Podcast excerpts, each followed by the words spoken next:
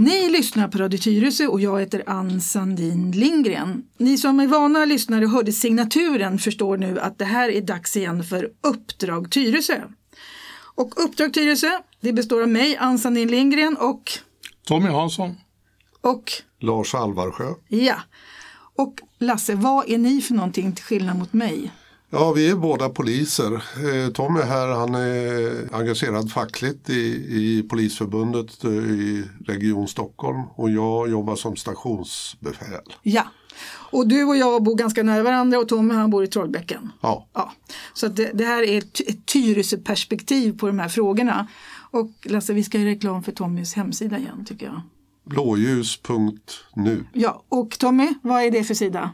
Ja, det är polisfacket i Stockholms sida där vi diskuterar lite polisfrågor kan vi kalla det för och sånt som påverkar polisen men även allmänheten naturligtvis. Mm. Och Tommy, du och jag var inne i riksdagshuset eh, innan jul. Ja. Luciadagen. Ja. Vad gjorde vi där då? Vi hälsade på våran, eh, en av våra riksdagsmän från Tyresö, moderaten Thomas Tobé. Ja, och innan dess hade vi i studion också en riksdagsman här. Vi, vi, vi, du och jag rör oss bland riksdagsmännen, eller hur? Ja, fint ska det vara. fint ska det vara. Och vilken riksdagsman var det som vi hade här i studion för ett tag sedan då? Jag glömmer ju alltid förnamnet på Mattias. Mattias Tegner. Hey, ja, han är socialdemokrat. Ja, det här programmet var planerat sedan tidigare och vi spelar in det innan jul men det kommer sändas i januari mellan den 6 januari och 27 januari. Så ni som hör det här, allt kanske saker kan ha ändrats när det gäller politik framförallt om det handlar om regering och sånt. Men jag tänkte pr börja prata om det här som har hänt i Tyresö. Eh, på Luciadagen var det faktiskt så att det var ett rån mot Systembolaget. Ja det stämmer. Det, eh, det var två stycken gärningsmän med ett pistolliknande föremål som rånade Systembolaget. På morgonen va? När de... Ja det var rätt tidigt för sen höll, tvingades man hålla stängt hela förmiddagen där. Ja. Var det, var det en stor utryckning med poliser där eller? Ja, när det eh, kommer in sådana här överfallslarm så skickar vi alla lediga resurser vi har till platsen. Fick man fast någon? Inte vid det tillfället och jag vet inte hur utredningen har fortlöpt här om, om man har någon misstänkt i det här. Nej. Men, men Lasse, det, det är ganska mycket nu som händer för att det händer liksom rån, skjutningar, alltså det, det som förut var extremt ovanligt för Innan dess hade väl Coop också rånats? Ja, vi har ju haft några sådana här butiksrelaterade rån i Tyresö. Dels är det ju någon kiosk som blev rånad uppe på Graningsringen vill jag minnas. Och sen Coop-butiken på Farmarstigen och nu Systembolaget mm. i, i Tyresö centrum. Det är väl ganska mycket jämfört med förut va? Det är mycket ja. eh, på kort tid. Ja. Hur, hur, hur, är det för er då som är poliser? Hur, hinner ni med allt det här? Det är ju svårt, eh, för det händer ju saker på andra platser i länet också. Eh, och händer det flera eh, större händelser samtidigt så då, då blir det ju lite halvbökigt. Ja, det måste vara jättetufft. Ja. Och jag tänkte Tommy, det här med kontanter, det som liksom tjuvarna är ute efter. Alltså människor använder inte så mycket kontanter. Är det så lätt att råna idag? Ja, de måste ändå ha växelkasser i, i de här butikerna. Särskilt kanske på ett sådant ställe som Systembolaget så finns det ju en del som inte använder korten. Mm. Om inte frun ska få veta att man plockar ut från det gemensamma kontot. Så att, Aha, eh, du tänkte så? Ja, Aha, man vet, det kan vara lite olika skäl till det. Men det, det, finns i alla fall eh, kontantkassor. Och sen är det alltid en avvägning hur svåråtkomliga växelkassorna ska vara. Därför att det kan ju bli en gisslansituation och att man försöker tvinga fram koder till kassaskåp och, och som man kanske inte ens har som kanske inte ens den eh, personalen har. De kan hamna i en hemsk situation verkligen. Ja. Det man kan hoppas vid de här tillfällena nu då, det är att det möjligen kan finnas butikskameror. Och i så fall så kan det vara så att man ser att det finns gemensamma, men så länge vi inte har tagit rånarna och det verkar fortsätta, då kan det ju ligga i farans riktning att det är ett gäng som håller på. Okay. Och då, samma men, gäng du menar? Ja, så? det skulle kunna vara så. Okay. Men man får ju se då om, om det är samma tillvägagångssätt och om de ser likadana ut på bilder. Och det brukar kunna dyka upp bilder på de här personerna. Har vi mycket kameror och sånt i Tyresö? Får vi ha kameror? Alltså, I Systembolaget är jag övertygad om att det finns kameror. Jag skulle Aha, tro okay. I butikerna får I kameror? I butiker och centrumanläggningar och, och sånt brukar man ju ge tillåtelse ah, ja. och sätta upp övervakningskameror. Men hur det ser ut eh, med kameror och sånt i, i själva centrumanläggningen det, det känner inte jag till. Nej. Men det här är ju ett resultat av att vi har ju sett en dramatisk minskning av bank och värdetransportrån. Ja. Mycket tack vare att bankerna inte hanterar några uh, större mängder kontanter längre. Nej, för det, man kan inte komma, de kan inte komma åt speciellt mycket pengar på sina rån längre. För det är växelkasser. Och då måste de kriminella uh, välja andra institutioner och, och råna och då blir det ju de här lite mindre butiker och sånt som, ja. som fortfarande har kontanter. Men även det här med bedrägerier, att man lurar folk nu att starta sin bank-id och man försöker liksom komma åt folks pengar på annat sätt. Ja, det är också det, det en, brott, en brottskategori som fullkomligt har exploderat de ja. sista åren. Ja, för det är där pengarna finns. Ja. Mm. Och det kan man ju säga då till folk eh, att man aldrig någonsin ska starta sin bank-id-app om någon ber om Man ska det. inte starta bank-id-appen och man ska inte lämna ut sina kortuppgifter till någon okänd person. Och banker och sånt ringer inte hem till en. Nej. Det gör det inte gör. Microsoft heller kan jag tala om. Alla de här som ringer och säger Hello and I'm phoning from Microsoft. Då är det inte så. Nej. Utan då vill de bara komma åt ens dator och ens inloggning. Eh, en annan sak som också hände på Lucia, det hände saker här i Tyresö, det var att en död person hittades och sen visade det sig eh, och då startades någon slags mordutredning men sen var det då naturliga orsaker. Och då tänkte jag bara fråga, eh, om man nu hittar en död person, om man kommer hem och ens anhörig ligger död, startas det alltid en mordutredning då? Nej, det gör det inte. Utan i de fall där polisen blir kallade till platsen och man inte kan utesluta att då har personen utsatt för brott. Mm. Då startar man ju oftast en eh, förundersökning eh, om mord. Eh, och det gör vi därför att eh, då öppnar man verktygslådan så man kan jobba enligt rättegångsbalken. Och det ger polisen större möjligheter eh, till tvångsåtgärder och, och lite andra utredningsåtgärder som vi inte hade kunnat gjort annars. Mm. Så det är därför man ser att eh, det brukar ofta vara rubriker i tidningarna att man, polisen har öppnat en mordutredning. Och, men i många av de här fallen så, så visar det sig sen att det är naturliga dödsfall. Så att, ja, för det, hur kan man veta det? För om man ringer 112 och säger det ligger en person här, jag tror han eller hon är död. Eller jag får inte liv i personen vad, skickar man alltid ut, liksom, först skickar man ambulans men skickar man alltid ut polis då när någon säger att jag har hittat någon på marken eller ja, ja, man, hemma. Om, eller... man anträffas i en bostad och det inte finns någon läkare som kan förklara hur det här har gått till. Liksom. Som mm. man, är, man, är, man, kan ju vara under vård i slutskedet eh, i sin bostad och att man bara väntar på att... Ja, just det. Och då är det en sak. Men däremot om det är så att, att, man, att det är så kallat oklart dödsfall, mm. då, då ska alltid polisen till platsen tillsammans, eller före ambulansen, mm. för att se på omständigheterna och se att det verkar vara, eh, men det kan vara väldigt svårt att avgöra. Det där, eh, det, det kan, ibland kan ju det ha legat länge och så vidare mm. och, och, det kan vara så att någon har ramlat och slagit sig väldigt så det kan se fruktansvärt ut. Mm. Och det kan ändå vara naturliga omständigheter. Ja, och, och, och, och, andra gånger kan ju någon ha dödats på ett sådant sätt så att du inte hittar någonting i mm. princip. Nej. Åtminstone, alltså en polis kanske kan se på vissa saker men man kan, det finns en del saker som poliser ändå tittar på för att göra en första utredning okay. av det hela. Så ofta gör man en obduktion då? då... Sen görs det en obduktion på, ja. på bårhuset. Mm. Jag var med om en väldigt tråkig sak. Min kollega på jobbet, hennes son hittades död hemma. Och eh, de trodde först att det var naturliga orsaker, sen visade det sig att det var självmord. Men då blev hans föräldrar faktiskt förhörda länge om massa saker. Så det blev liksom en mordutredning fast det var självmord. Mm. Hur funkar sånt egentligen? Ja, men är det ett polisiärt dödsfall så vill vi ju komma fram till orsaken till dödsfallet. Och då även och då, självmord då, sånt? Och då håller man ju förhör och, ja, eller samtal med anhöriga. Mm, mm. Men de upplevde det som förhör? Ja. ja. Mm. Men det kan ju vara så, det har ju till och med hänt att anhöriga har blivit anhållna och häktade mm. och fått sitta nästan åratal. Ja. Därför att det har varit sådana omständigheter så att det har varit väldigt svårt att utreda och det har funnits misstankar. Mm. Det kan ju dyka upp så även om det sen visar sig att ja, det var inte så. Nej. Så att eh, ibland kan saker se ut på ett annat sätt. Ja, än det måste där. vara väldigt svårt att avgöra. Det är mycket grannlaga. Ja. Vi som kollar på tv, där är allting klart och tydligt. Där, där kan i tv-serier, oh, där är det ordning och reda. Ja. Där, är, där är ju poliserna antingen översmarta eller överdumma så att det, är liksom, det finns inga mellanting ja, på något sätt. Verkligheten är mer komplicerad. Ja, det är den. Sen innan jul så var det en artikel i Mitt i som brukar komma tror jag nästan varje år och det heter Håll tjuven borta under helgerna och massa bra råd. Har, har ni tittat på den? Ja, eh, och det är, ju, det är ju som du säger att det är sådana här råd som kommer lagom till semestrar och eh, till julledigheter. Och mycket av det där det är, det är vettiga, vettiga råd. Mm. Grannsamverkan, ja. det är kanske det viktigaste. Att man ber en granne hålla eh, lite koll på huset om du ska åka bort. Och går och trampar i snön varje gång det har Tömma brevlådan. Ja. Skotta uppfarten. Skotta uppfarten, precis. Flytta på grejer och sånt. Ställa sig, låta grannarnas bil stå parkerad på ens uppfart och så vidare om man nu har sånt. Precis. Ja. Och det, det som var intressant tycker jag det var att de hade jämfört antal inbrott mellan 2012 och 2017.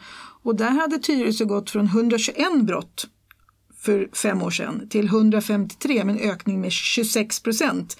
Och det låter ju mycket. Ja, det är inte roliga siffror. Nej, men är, jämfört med de andra, nu ska vi bara jämföra oss. Ja. Var... Nej, men det har ju varit eh, en ökning av inbrotten som jag förstår det i, överhuvudtaget i Sverige, vilket man tror då kan ha att göra med en del tillresta inbrottsligor. Ja. Man har upptäckt att det är en relativt lukrativ marknad och, och att det finns möjlighet att plocka ut godset från Sverige. Ja, lätt tydligen. Ja, och enligt uppgift. Ja. Men som du ser där så procentsatsen är ju relativt hög. Eh, men tittar du på antalet brott så är det ju inte så många som skiljer. Nej. Och det, det är då roliga, man, så fort det är en sån lista med massa kommuner, det här är 26 Stockholmskommuner, då ligger vi bara, bara på plats 21. Så vi är ett av de minst inbrottsökande kommunerna. Men däremot Haninge, vår grannkommun, ligger på plats 3. De har 111 procent, alltså en fördubbling av eh, inbrotten. Var, var, varför är det så? Varför är Haninge och Botkyrka så mycket mer Botkyrka är nummer två. Ja, eh, det kan bero på tillfälliga orsaker att, att vissa inbrottsligor har, har eh, satsat på ett område och sen jobbar man där ett tag och så byter man kommun eller bostadsområde och sen till sist någon annan gång så är det en annan kommun som blir värst drabbad. Mm. Och i och med att det är Haninge kommun som är vår grannkommun så finns det väl risk för att det där kan spilla över på Tyresö så småningom. Jag tror när Claes Stjernström, när vi intervjuar honom, så brukar han säga att en tredjedel av alla inbrott är, är, är lokala lokala vet du, mm, alltså, drogmissbrukare som inte orkar gå så långt. Som gör, gör, gör väldigt nära, gör inbrott i sitt närområde, påstod han. Att det finns mycket, alltså en tredjedel lokalt bus som gör det. Mm. Så han är någon slags... Ja, det var ju den största andelen gärningsmän eh, för ett antal år sedan var ju de här drogmissbrukarna, de här knarkarna som behövde pengar till, till sin dagliga dos narkotika. Men eh, nu ser vi ju även de här eh, som vi har pratat om tidigare, de här utländska ligorna som åker hit. Mm. Och de är ju så att säga mer effektiva Mm. Eh, och gör, begår fler inbrott än vad de här missbrukarna lyckas med. Mm. Och det, det här med larm, för det har jag förstått att klart man ska ha larm men är det larm, det, det hindrar ju inte den snabbe inbrottstjuven. Den hinner ju in och ut innan någon hinner reagera. Ja, det normala inbrottet går ju väldigt snabbt. Är, då pratar vi ju liksom fem, max tio minuter så har man hittat det man är ute efter och lämnat. Mm. Men däremot så, så, får man ju reda på direkt att det har varit inbrott och man kan se till att laga fönster och dörrar och eventuellt det som är uppbrutet. Mm. Och, och, om man då, då bor i ett område och ser att ens grannar har inbrott, Ska man göra någonting? Ja, man ska absolut ringa 112. Ja. Det tycker jag är åtgärd nummer ett. Ja, men ska Sen man göra någonting själv? Jag tycker man ska iaktta. Ja. Möjligen kan man starta upp sin mobiltelefon. Det är många som är pigga på att starta den och filma lite. Ja. Det gör ingenting alls. Och, och, man kan titta om det finns några bilar i närheten som inte hör hemma där. Okay. Man kanske kan ta ett registreringsnummer eller ett bilmärke och en färg om inte annat. Men man ska inte själv gå dit och tjoa? Jag tycker inte att i varje fall inte du ska Nej. göra det. Är man mm. flera stycken och känner sig eh, väldigt eh, vad ska jag säga, att man klarar det. Men det finns alltid risk att de har minst en kniv och kanske ännu tyngre saker. Kofötter är inte kul att få i huvudet. Alltså. Nej, nej. nej. Mm. nej. Så ja. iakttagelser är det absolut det viktigaste. Okej. Okay. Och ring 112 förstås. Mm.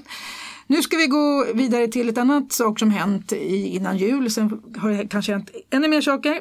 Men bland annat så gjordes det ett att eh, det blev bestämt att man, kommunerna får, får införa ett lokalt förbud mot tiggeri om de vill. Det var Vellinge kommun som hade gått vidare ända högst, högst upp till den. Och högsta förvaltningsrätten? Ja, högsta förvaltningsrätten var det. Och de har fått okej okay med det och sen har många kommuner gått ut och sagt att det kommer vi också göra. Bland annat var är det då några Stockholmskommuner, Ekerö, Danderyd, Salem, Täby, Österåker, Värmdö och Sigtuna. Fram, framförallt norrortskommuner kan man säga. Salem ligger väl söder om stan. Och vad innebär det för polisen nu om fler kommuner gör det? Liksom? Hur, det här är ju en brottslighet på väldigt liksom, ni måste ju prioritera, vad händer då? Ja absolut. Det här är ju någonting som kommer att skrivas in i den lokala ordningsstadgan för respektive kommun. Och polisiärt kan jag ju säga det att de, eh, de uppdragen kommer ju hamna ganska långt ner i, i prioriteringslistan eh, av förklarliga skäl. Mm. Det är samma sak, vi har ju massa ordningsstadgar i Tyresö kommun. Vi har bestämt vad man får dricka någonstans och man inte får dricka någonstans. Man får ju liksom ta med sig picknick och jag kommer inte ihåg, exakt ihåg, men det, det tas ju sådana planer att på den här allmänna platsen får man inte sitta med en ölburk eller eh, här får man inte skjuta med raketer. Det finns ju mycket sådana lokala ordningsregler. Så det skulle alltså vara en av de här reglerna som är. Och många av de här reglerna jag trodde då att väktare eller ordningsvakter i centrum bestäm, alltså de för ut folk i centrum. Vad gäller då för tiggeri till exempel? Det beror ju på hur, hur deras bevakningsområde ser ut, hur långt de har befogenhet att och, och utsträcka bevakningsområdet. Det är möjligt att eh, för Tyresö centrum att de eh, har ett visst antal kvadratmeter utanför själva centrumingångarna. För de får då, inte sitta i centrum? Nej. nej. Eh, och i anslutning till entréer och sånt där så kan, de, kan ju ordningsvakterna ha, ha befogenhet att avvisa folk. Mm. Men vad innebär det om våra grannkommuner inför förbud? Risken är ju att eh, för många av de här eh, tiggarna körs ut eh, kollektivt av en uppdragsgivare. Eh, då är det ju risk att man kör ut dem till de kommunerna som inte har det här förbudet. Mm. Precis.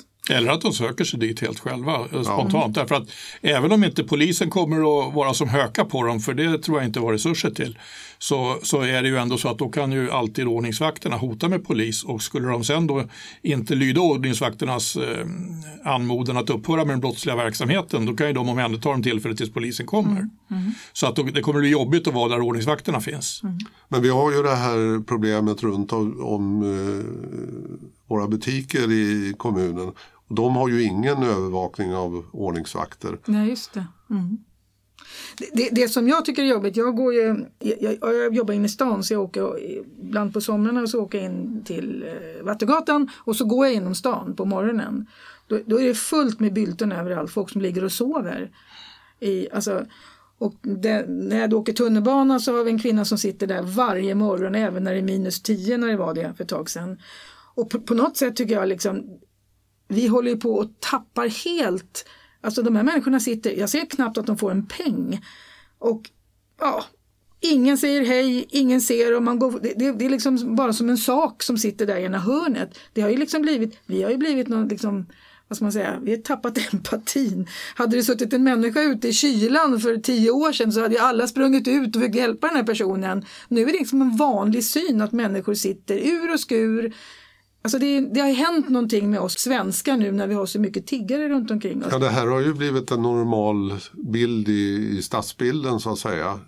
Och nu reagerar man ju inte över att det sitter någon utanför butiken när du går in. Eller, innan, i början tyckte man ju det var fruktansvärt. Ja. Ja. Dessutom så säger ju tiggarna själva, jag lyssnade faktiskt idag på radion apropå det här Vällingeförbudet, så hade de intervjuat en tiggare. Och hon berättade att eh, man fick ju ganska bra med, med pengar för något år sedan. Mm. Men nu har ju många uppfattat det som att det här verkar vara organiserat och då är de inte lika angelägna om att betala och, och äh, lämna pengar till en, någonting som kan vara organiserad brottslighet till och med. De har ju till och med åkt fast ett helt Ja, det, det, har ju åkt fast några gäng men det, åkte ett, det var ett gäng som blev dömt, ett gäng bulgarer som blev dömda nu i eh, bara för, för någon dag sedan och så fick, så fick väldigt hårda straff dessutom därför att de hade ju eh, misshandlat och tvingat dem verkligen. Mm. så att det var, och, och de fick leva i misär. Sen kan man ju tänka att det är ju inte särskilt värdigt att i ett välfärdssamhälle att ha det här problemet. Sen hur man då ska lösa det är ju lite svårare. Mm. Men lösningen är nog inte att man har människor som står på knä och att vi, vi då som har mer pengar och sådär ska kunna känna oss goda och köpa oss fria genom att lägga en femma. Mm. Det har jag svårt för att se. Mm.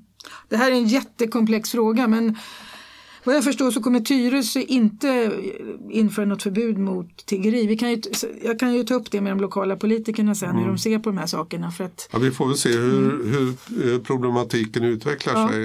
Är det så att vi får ett jättestort problem mm. här i Tyresö så kanske man tvingas. Men, men, när det gäller södra delen då, du, du som kan den Lasse, eh, Stockholm syd. Var bor de här människorna? De bor oftast i, i eh, läger. Det kan vara eh, liksom skjul de har snickrat ihop själva på någon allmän plats. Det kan vara eh, gamla utrangerade husvagnar. Och... Va, vad gör man åt det då? An, bor de, det, får de bo kvar där? Nej, ofta så, så slår de ju upp sina läger helt utan tillåtelse. Mm. Och då blir det ju ett juridiskt problem därför att då ska ju Kronofogden komma dit och avhysa dem. Då måste varje individ eh, delges det beslutet på, på rent formellt. Och då måste man veta vad de heter och id-handlingar och ja. sånt för att kunna göra det? Ja. ja. och det är en rätt tidskrävande arbetsuppgift både för Kronofogden och uh, polisen. Och markägaren måste ja. också agera va? Och de här platserna, det, är ju, det har ju uppstått stora sanitära olägenheter på de här platserna. För det finns, finns ju inga toaletter och det finns mm. ju inte några möjligheter att laga mat och så vidare. Mm, jag vet. Jag som då går, åker då, eh, alltså 812 in till Vattengatan, ibland så sneddar man över Klara kyrkogård där och det har varit väldigt bra där under många år. Förut var det med väldigt mycket narkomaner och sen ordnade de till det där på kyrkan och tog hand om de här narkomanerna. Men nu har det blivit en toalett. Så det luktar ju fruktansvärt illa i delar av de här kvartererna. Mm. Därför att de har ingenstans att gå. Helt enkelt. Ja. ja. det är ju illa och det är nästan ännu värre. Det där är ju när de slår läger i på, på, lekplatser. Ja. Så att när barnen, och på dagisgårdar. Mm. Eh, och så när barnen kommer på morgonen så ligger det då avföring och så mm. vidare. Det, det, är ett elände. Det, det är inte Ja, det, det, är ingen, det finns så jag vet ingen bra lösning nej, på det. Det här är ett jätteproblem. Och det, ja, det är ju inte folk, människovärdigt framförallt. Nej, nej, och jag tror att alla vi som ser det här blir både olyckliga och vet inte vad vi ska göra åt det. Därför är det här en, en, en en ganska kontroversiell fråga. Nu tänkte jag att vi skulle lyfta oss till större nivåer. För i och med att du, Tommy, du och jag som varit inne och rört oss i riksdagens och pratat då med de som fick igenom budgeten. För när du och jag pratade med Thomas Tobé, Moderaternas rättspolitiska talesman, samma dag så klubbades det en budget. Och då blev det Moderaterna och Kristdemokraternas budget som gick igenom. Den så kallade servettbudgeten. Ja. Det är Socialdemokraternas beteckning på den. Ja, så var det. Eh, och eh, sen är det en eh, liksom, tillägg till den övergångsbudget som var. Och då, där i finns det ju pengar till polisen. Ja.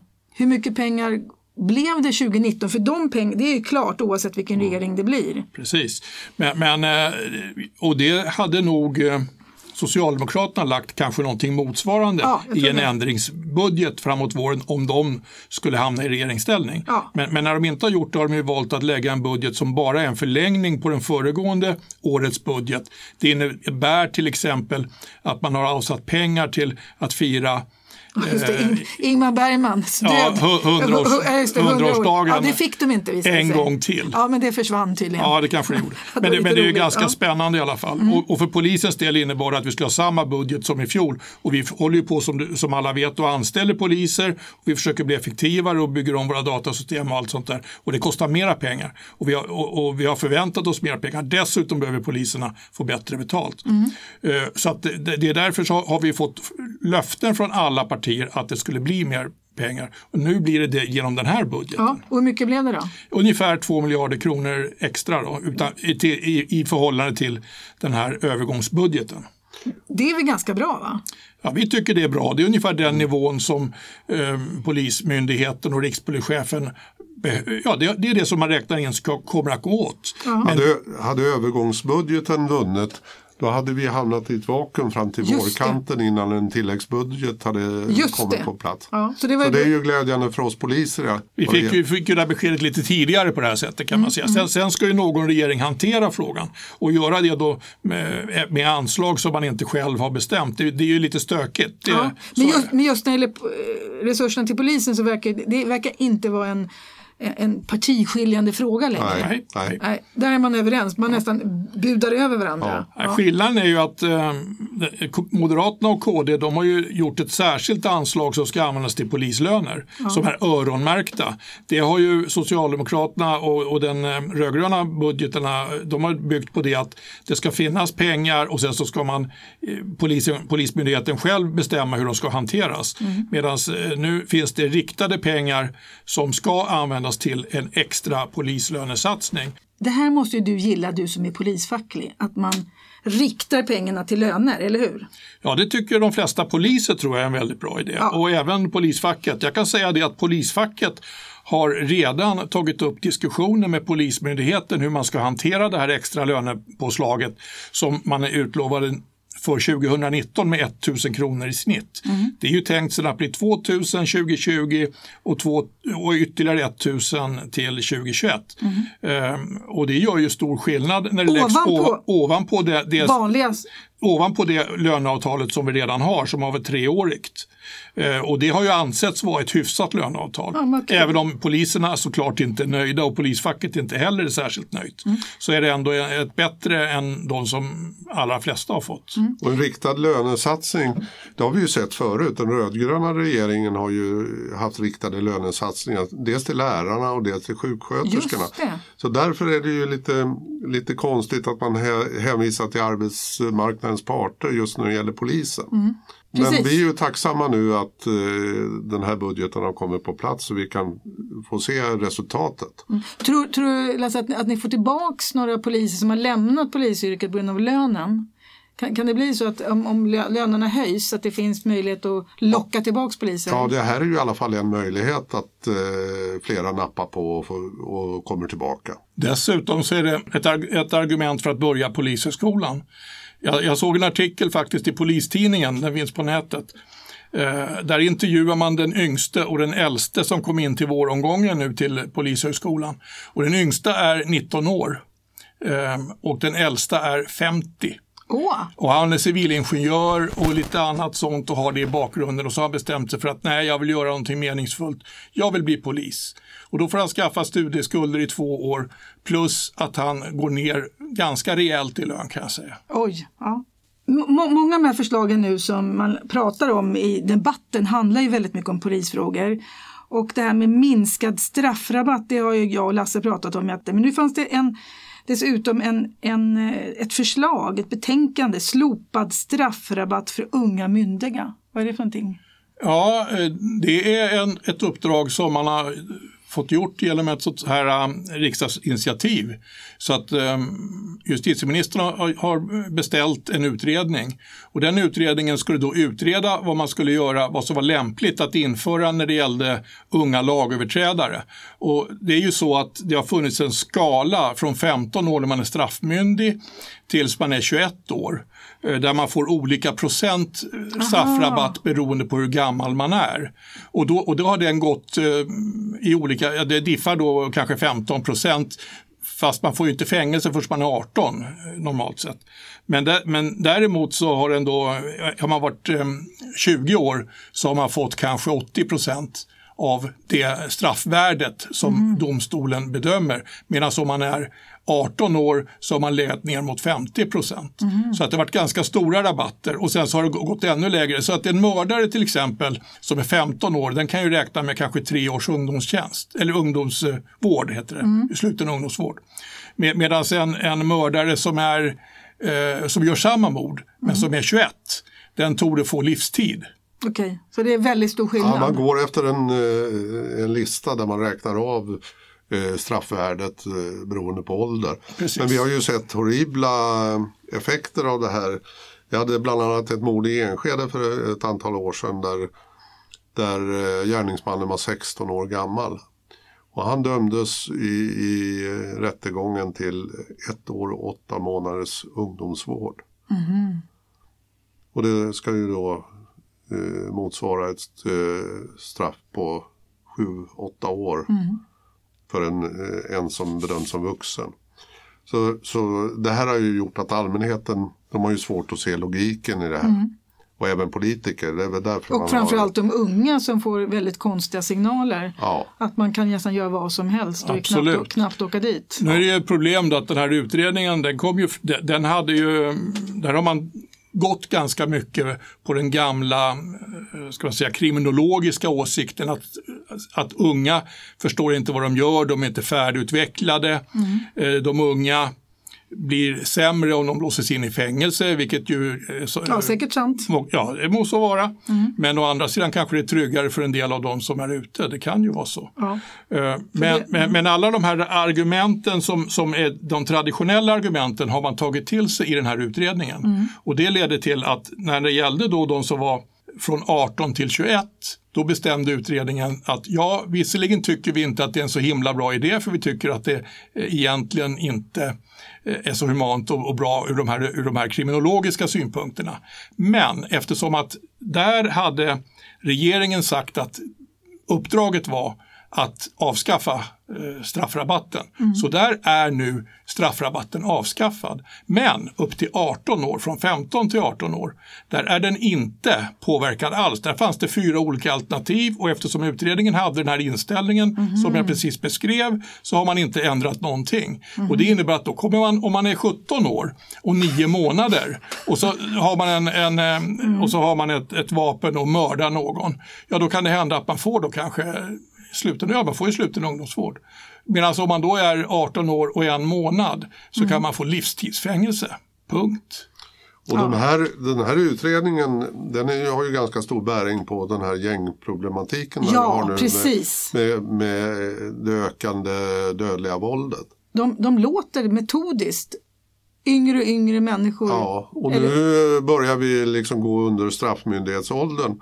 Så att man kommer att tvingas titta på även de som är under 15 år. Ja. Hur man ska hantera dem. Ja.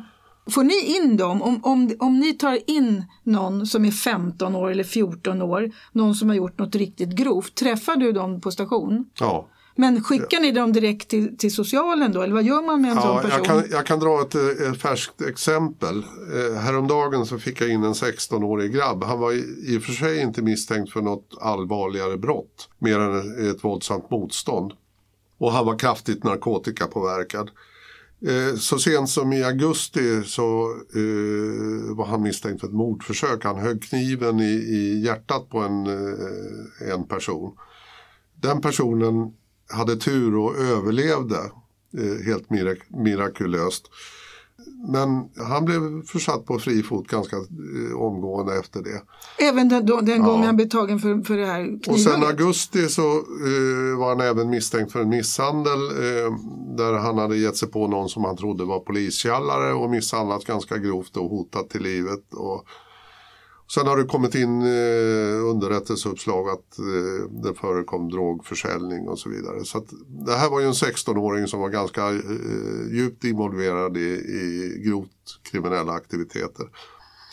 Där var jag tvungen att ringa socialtjänsten och höra, är det här verkligen möjligt att den här personen är ute på fri fot?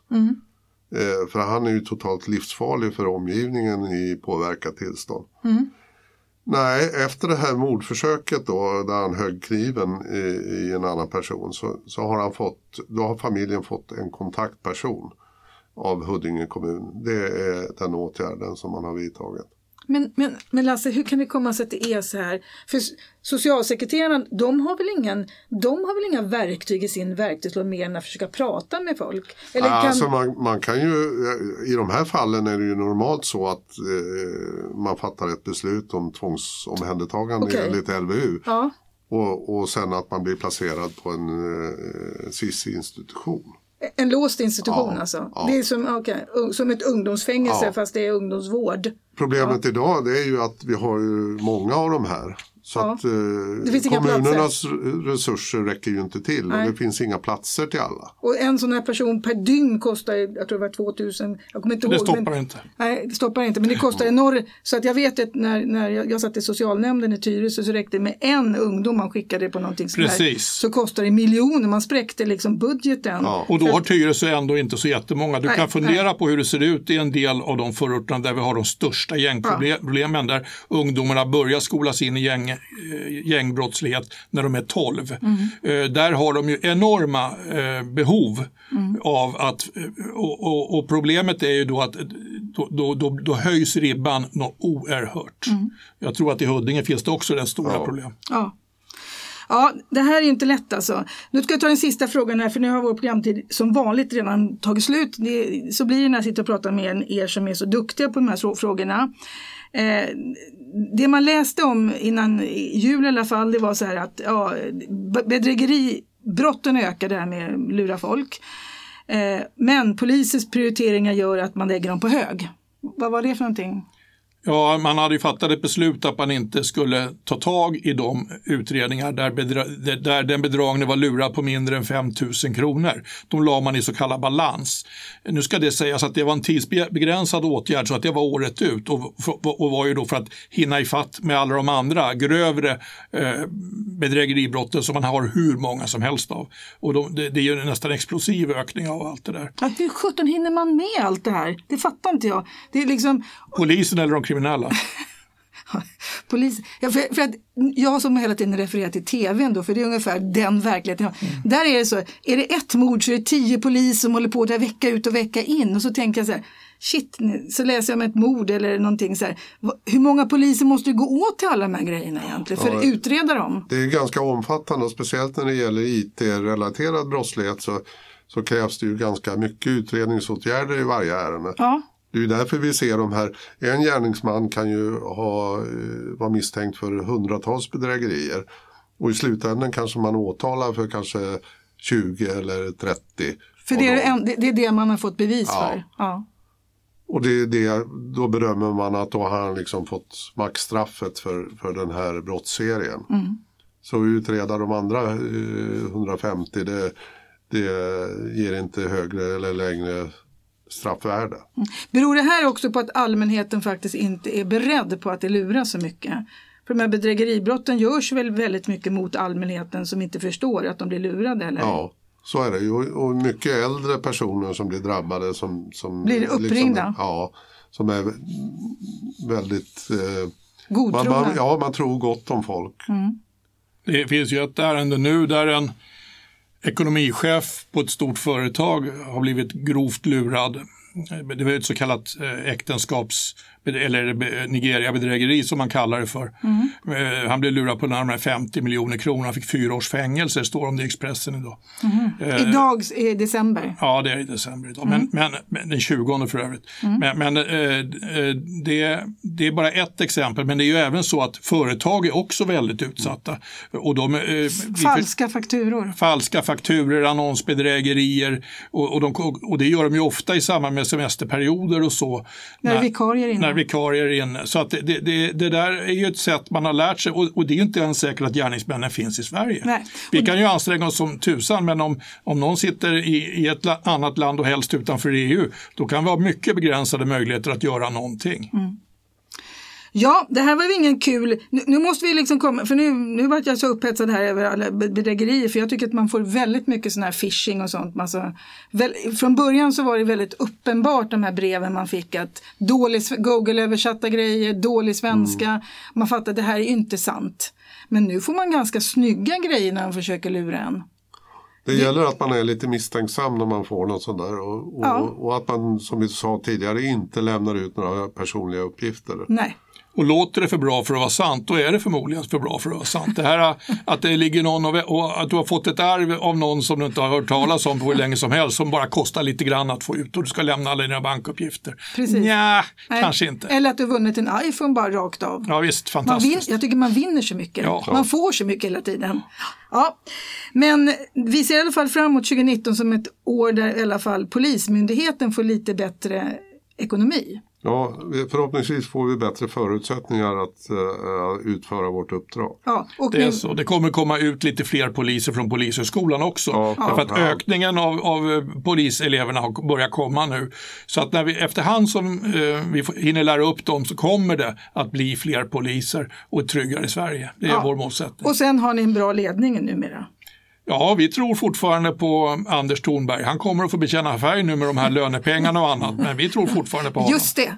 Hör, om du hör på det Anders Thornberg, ni fatt, du fattar det, du måste se till att få bättre löner annars.